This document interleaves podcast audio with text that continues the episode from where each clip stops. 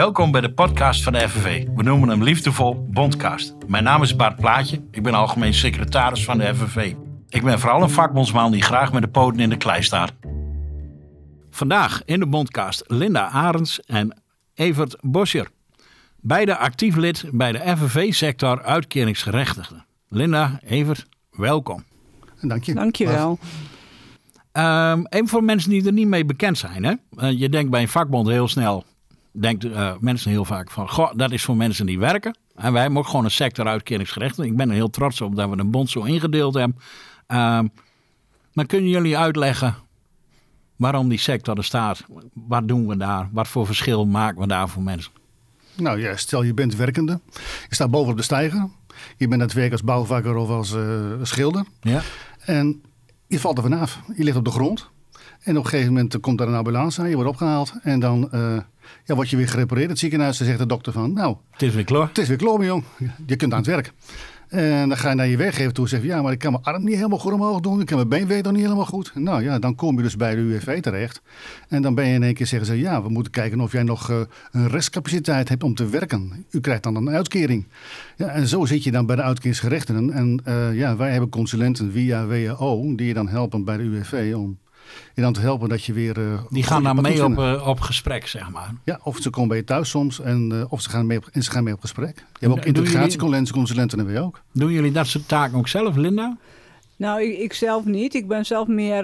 kijk, ik heb zelf nu een baan, maar ik, ik heb zelf ook in een uitkering gezeten bij de, in de WW. Dus ik weet wat het is om in de uitkering te zitten. En het verdrietige is eigenlijk dat je als uitkeringsgerechtigde niet de positie hebt om echt voor jezelf op te komen, zoals een werknemer dat wel kan. Daarom blijf jij je ook inzetten voor ja, deze sector nu je wel een baan hebt. Kijk, er zijn heel veel werknemers die gaan gebukt onder een hoge werkdruk. Gebrek aan erkenning en waardering van de werkgever in de vorm van arbeidsvoorwaarden. Gebrek aan veiligheid. En ook dat kan al leiden dat je uiteindelijk in een uitkeringssituatie terechtkomt. Dat je in een overlevingsmodus terechtkomt en bijvoorbeeld met een burn-out thuis komt te zitten. Kijk, dus de sociale zekerheid die staat bij iedereen op de drempel van de deur. Ja. Je, je kunt wel denken dat overkomt mij niet. Dat kan iedereen overkomen. En denk ook aan al die zorgmedewerkers die nu met long covid in de bijstand zitten. Ja, nee, ik snap hem helemaal. Uh, goed verwoord ook. Ik denk dat jullie allebei uh, uh, goed neerzetten van waarom we hier als FNV scherp op zijn. want ja, iemand met een uitkering kan niet staken om voor zichzelf op te komen. Nee, we kunnen wel goed actie voeren. En morgen gaan we ook weer actie voeren. Dat is namelijk in Den Haag.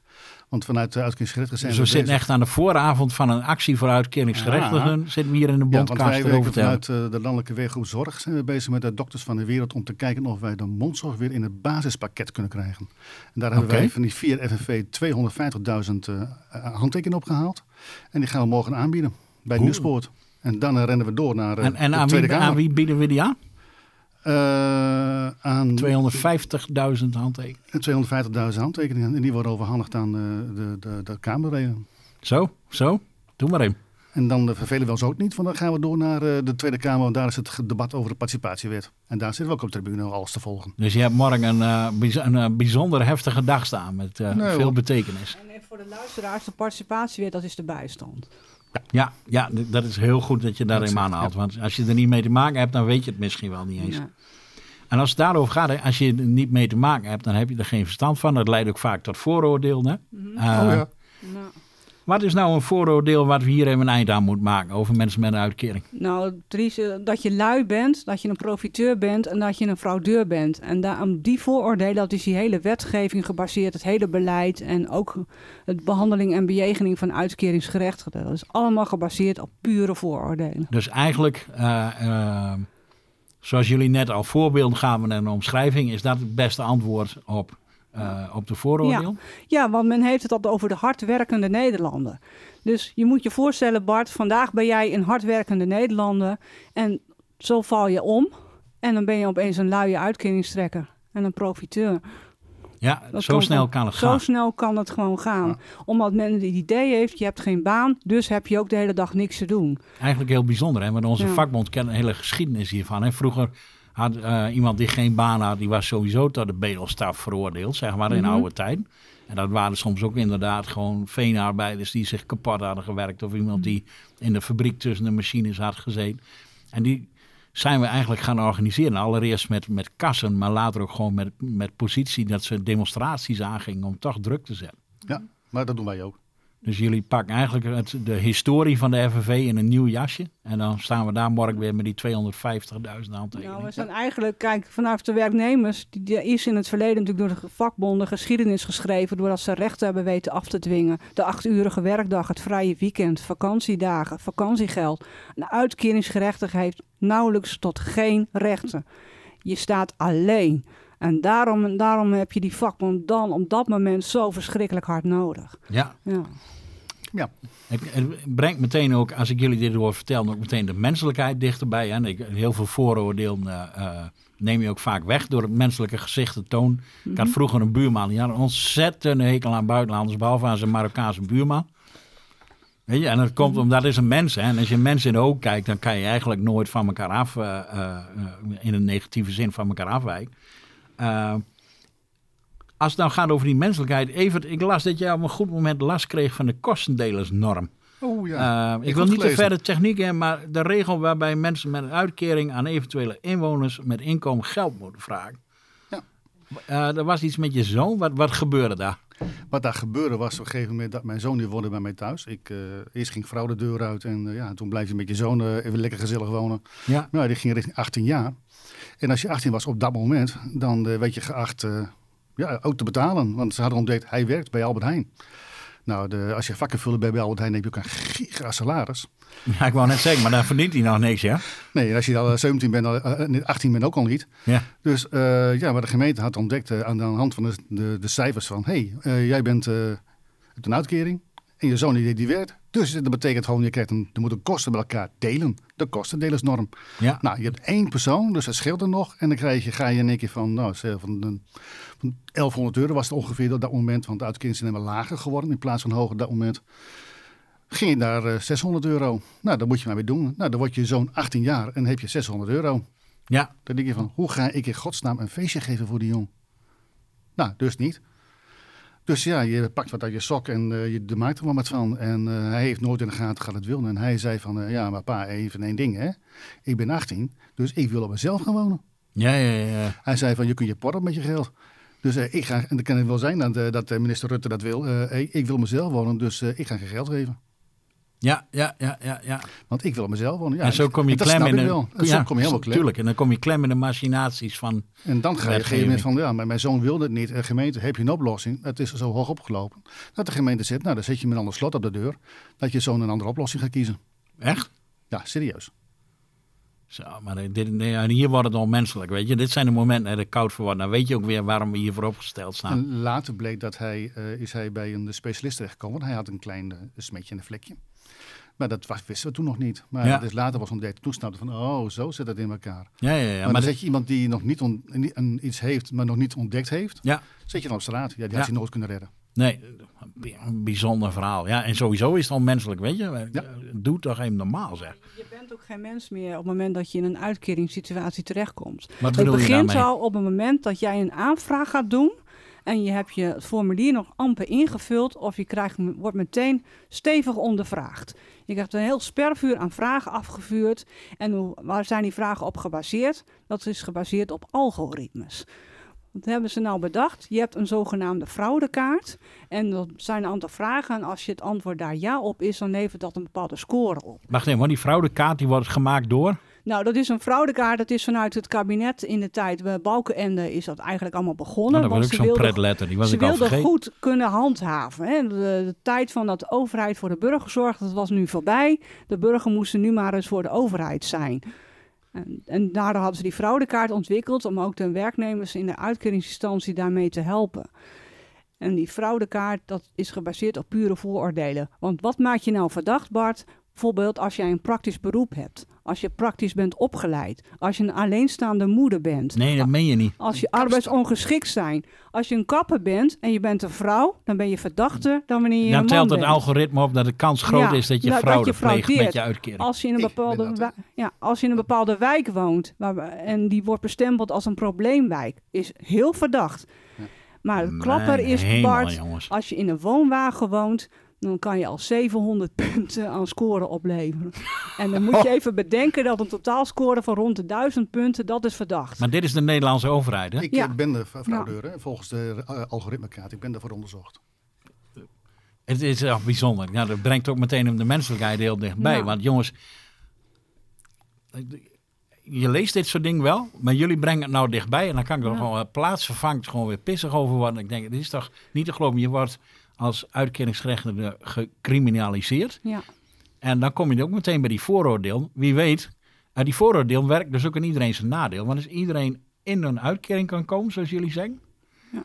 dan heb je er meteen mee te maken. Je gaat wel aan, dan ben je, maar je gaat van hard werken, dan ga je ineens naar lui. Maar je bent ook nog van tevoren gecriminaliseerd. Je bent al bijna veroordeeld. Ja, je bent omdat je, fraudeur en bij, je bent verdacht bij voorbaat al. ja, en op het moment dat je dat formulier hebt ingevuld, dan is het nog niet klaar. Dan gaan ze met je mee naar huis om eens even een huiszoeking te doen. Om even een controle uit te oefenen. Ook je, ze mogen echt in Het elke is- la kijken, in elke doos, in elke kast. Zelfs je ondergoed wordt gecontroleerd. Hoe is dit Dat is gelegaliseerd? dus hè? ook bij mij gebeurd. En ik weet ook dat het gevraagd en ongevraagd mag. Als ze verdenking hebben dat jij, eh, Bart, en en wie, bent... wie, wie voert dat. deze praktijk uit, jongens? Zijn dat de gemeentes? Is Nee, dat, de gemeente in eh, opdracht van de participatiewet. Oftewel de bijstandswet. Ja, maar je kan toch ook zeggen van uh, we doen het hier anders of kan dat niet? Of uh, Sommige uh, zijn gemeentes ze gaan nou er verplicht om. om, uh, om de fascist uit te hangen? Wat, wat? Uh, sommige gemeentes gaan er anders mee om. Uh, maar er zijn ook gemeentes die echt rigide erin zijn. En die pakken we aan en daar gaan we heen als Want je moet wel een dit leefbaar is, leven Dit is waar we als FNV voor op aard zijn om, om, Oh, echt wel.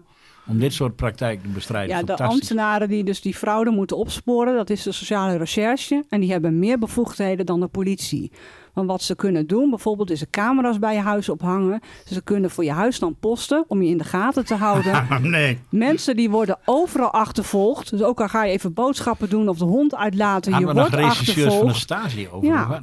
Zeker. hemel, jongen. Dit zijn boa's, hè? Maar we hadden het net al over, de, over het huisbezoek. Als, ze, als jij hebt verteld dat je alleen woont en ze zien in de badkamer twee tandenborstels liggen, dan is dat voor hun een bewijs dat je samen woont. Ja, en jij hebt dat niet gemeld en dus ben je een fraudeur.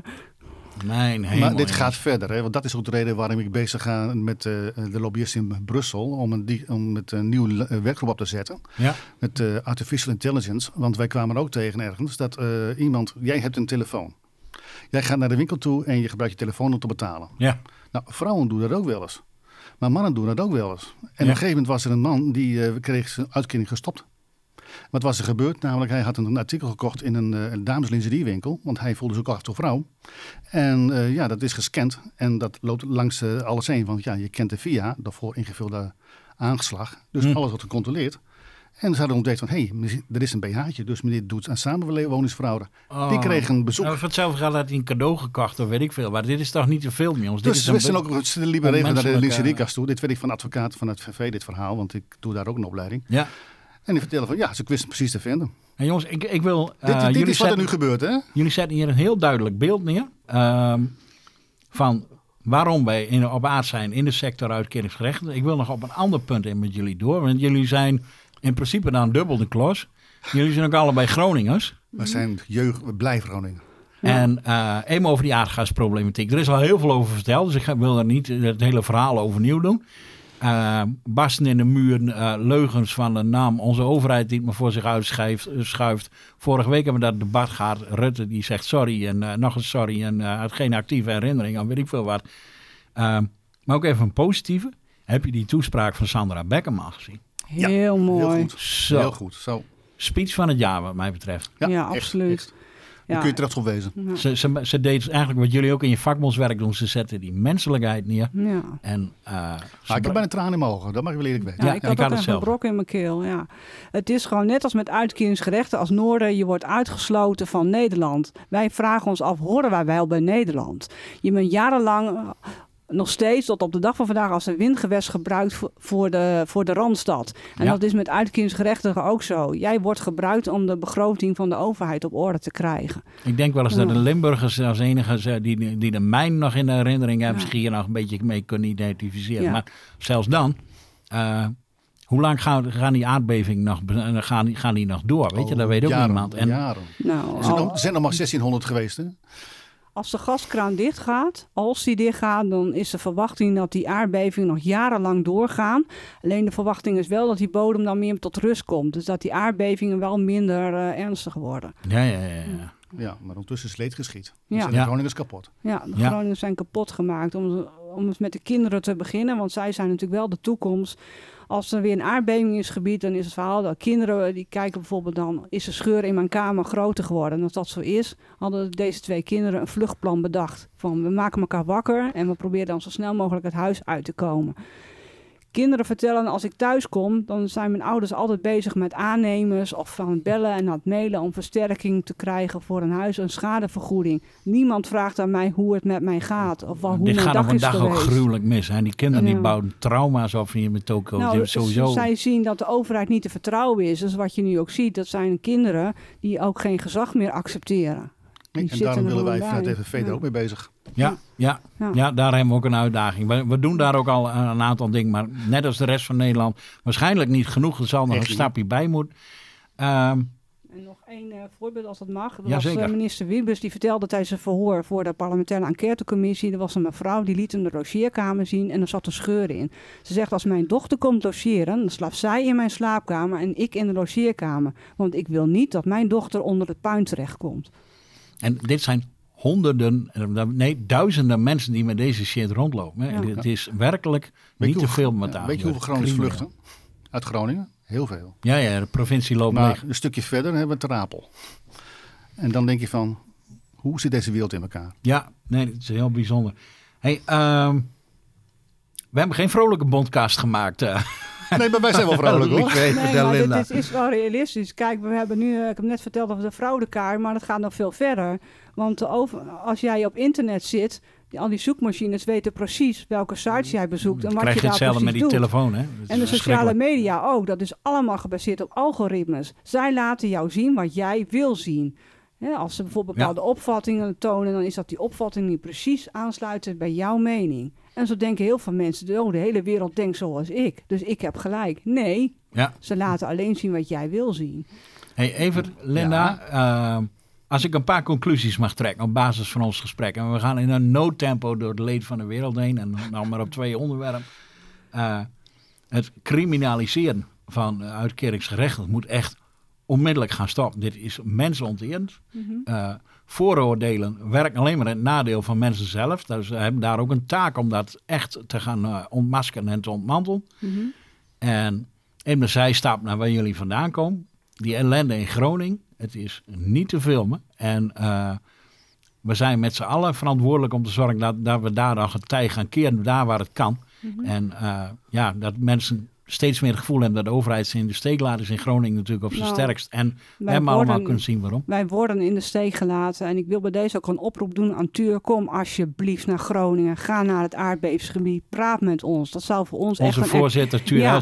Ja, een erkenning zijn. En dat wij ook gezien en gehoord worden. Ook door onze eigen vakbond. Ik ga een verzoek aan Tuur, bij Tuur neerleggen en ga er maar vanuit dat hij eh, eh, binnen de kortste keer bij jullie staat. En dit is echt een roep om hulp. Ook Ja. vanaf de FNV. Ze zijn de enigen die ons nog kunnen helpen. Ja. Ja, als de FNV niet meer kan, Nee, als wel. iedereen je in de steek laat, blijft alleen de Ja. vakbond over. Jullie Ja, maar als niet meer kan, wie, wie houden er dan. Ja, over? nee, Nee. is zo. Ja. Hey, dank jullie wel voor dit fantastische gesprek. Ja. Ik, eh, we kregen het er meerdere malen koud van. Terwijl het eigenlijk weten we het allemaal. Maar jullie brengen die menselijkheid van de problematiek zo mooi dichtbij. En eh, ik ben jullie dankbaar. Jij ook. Dankjewel. Tot de volgende keer. Tot de volgende keer. Tot ziens. Bedankt voor het luisteren naar de FNV-podcast. Wil je meer informatie over de bond? Kijk dan op fnv.nl. Als je lid wilt worden, kijk dan op fnv.nl slash lid worden. Tot de volgende keer.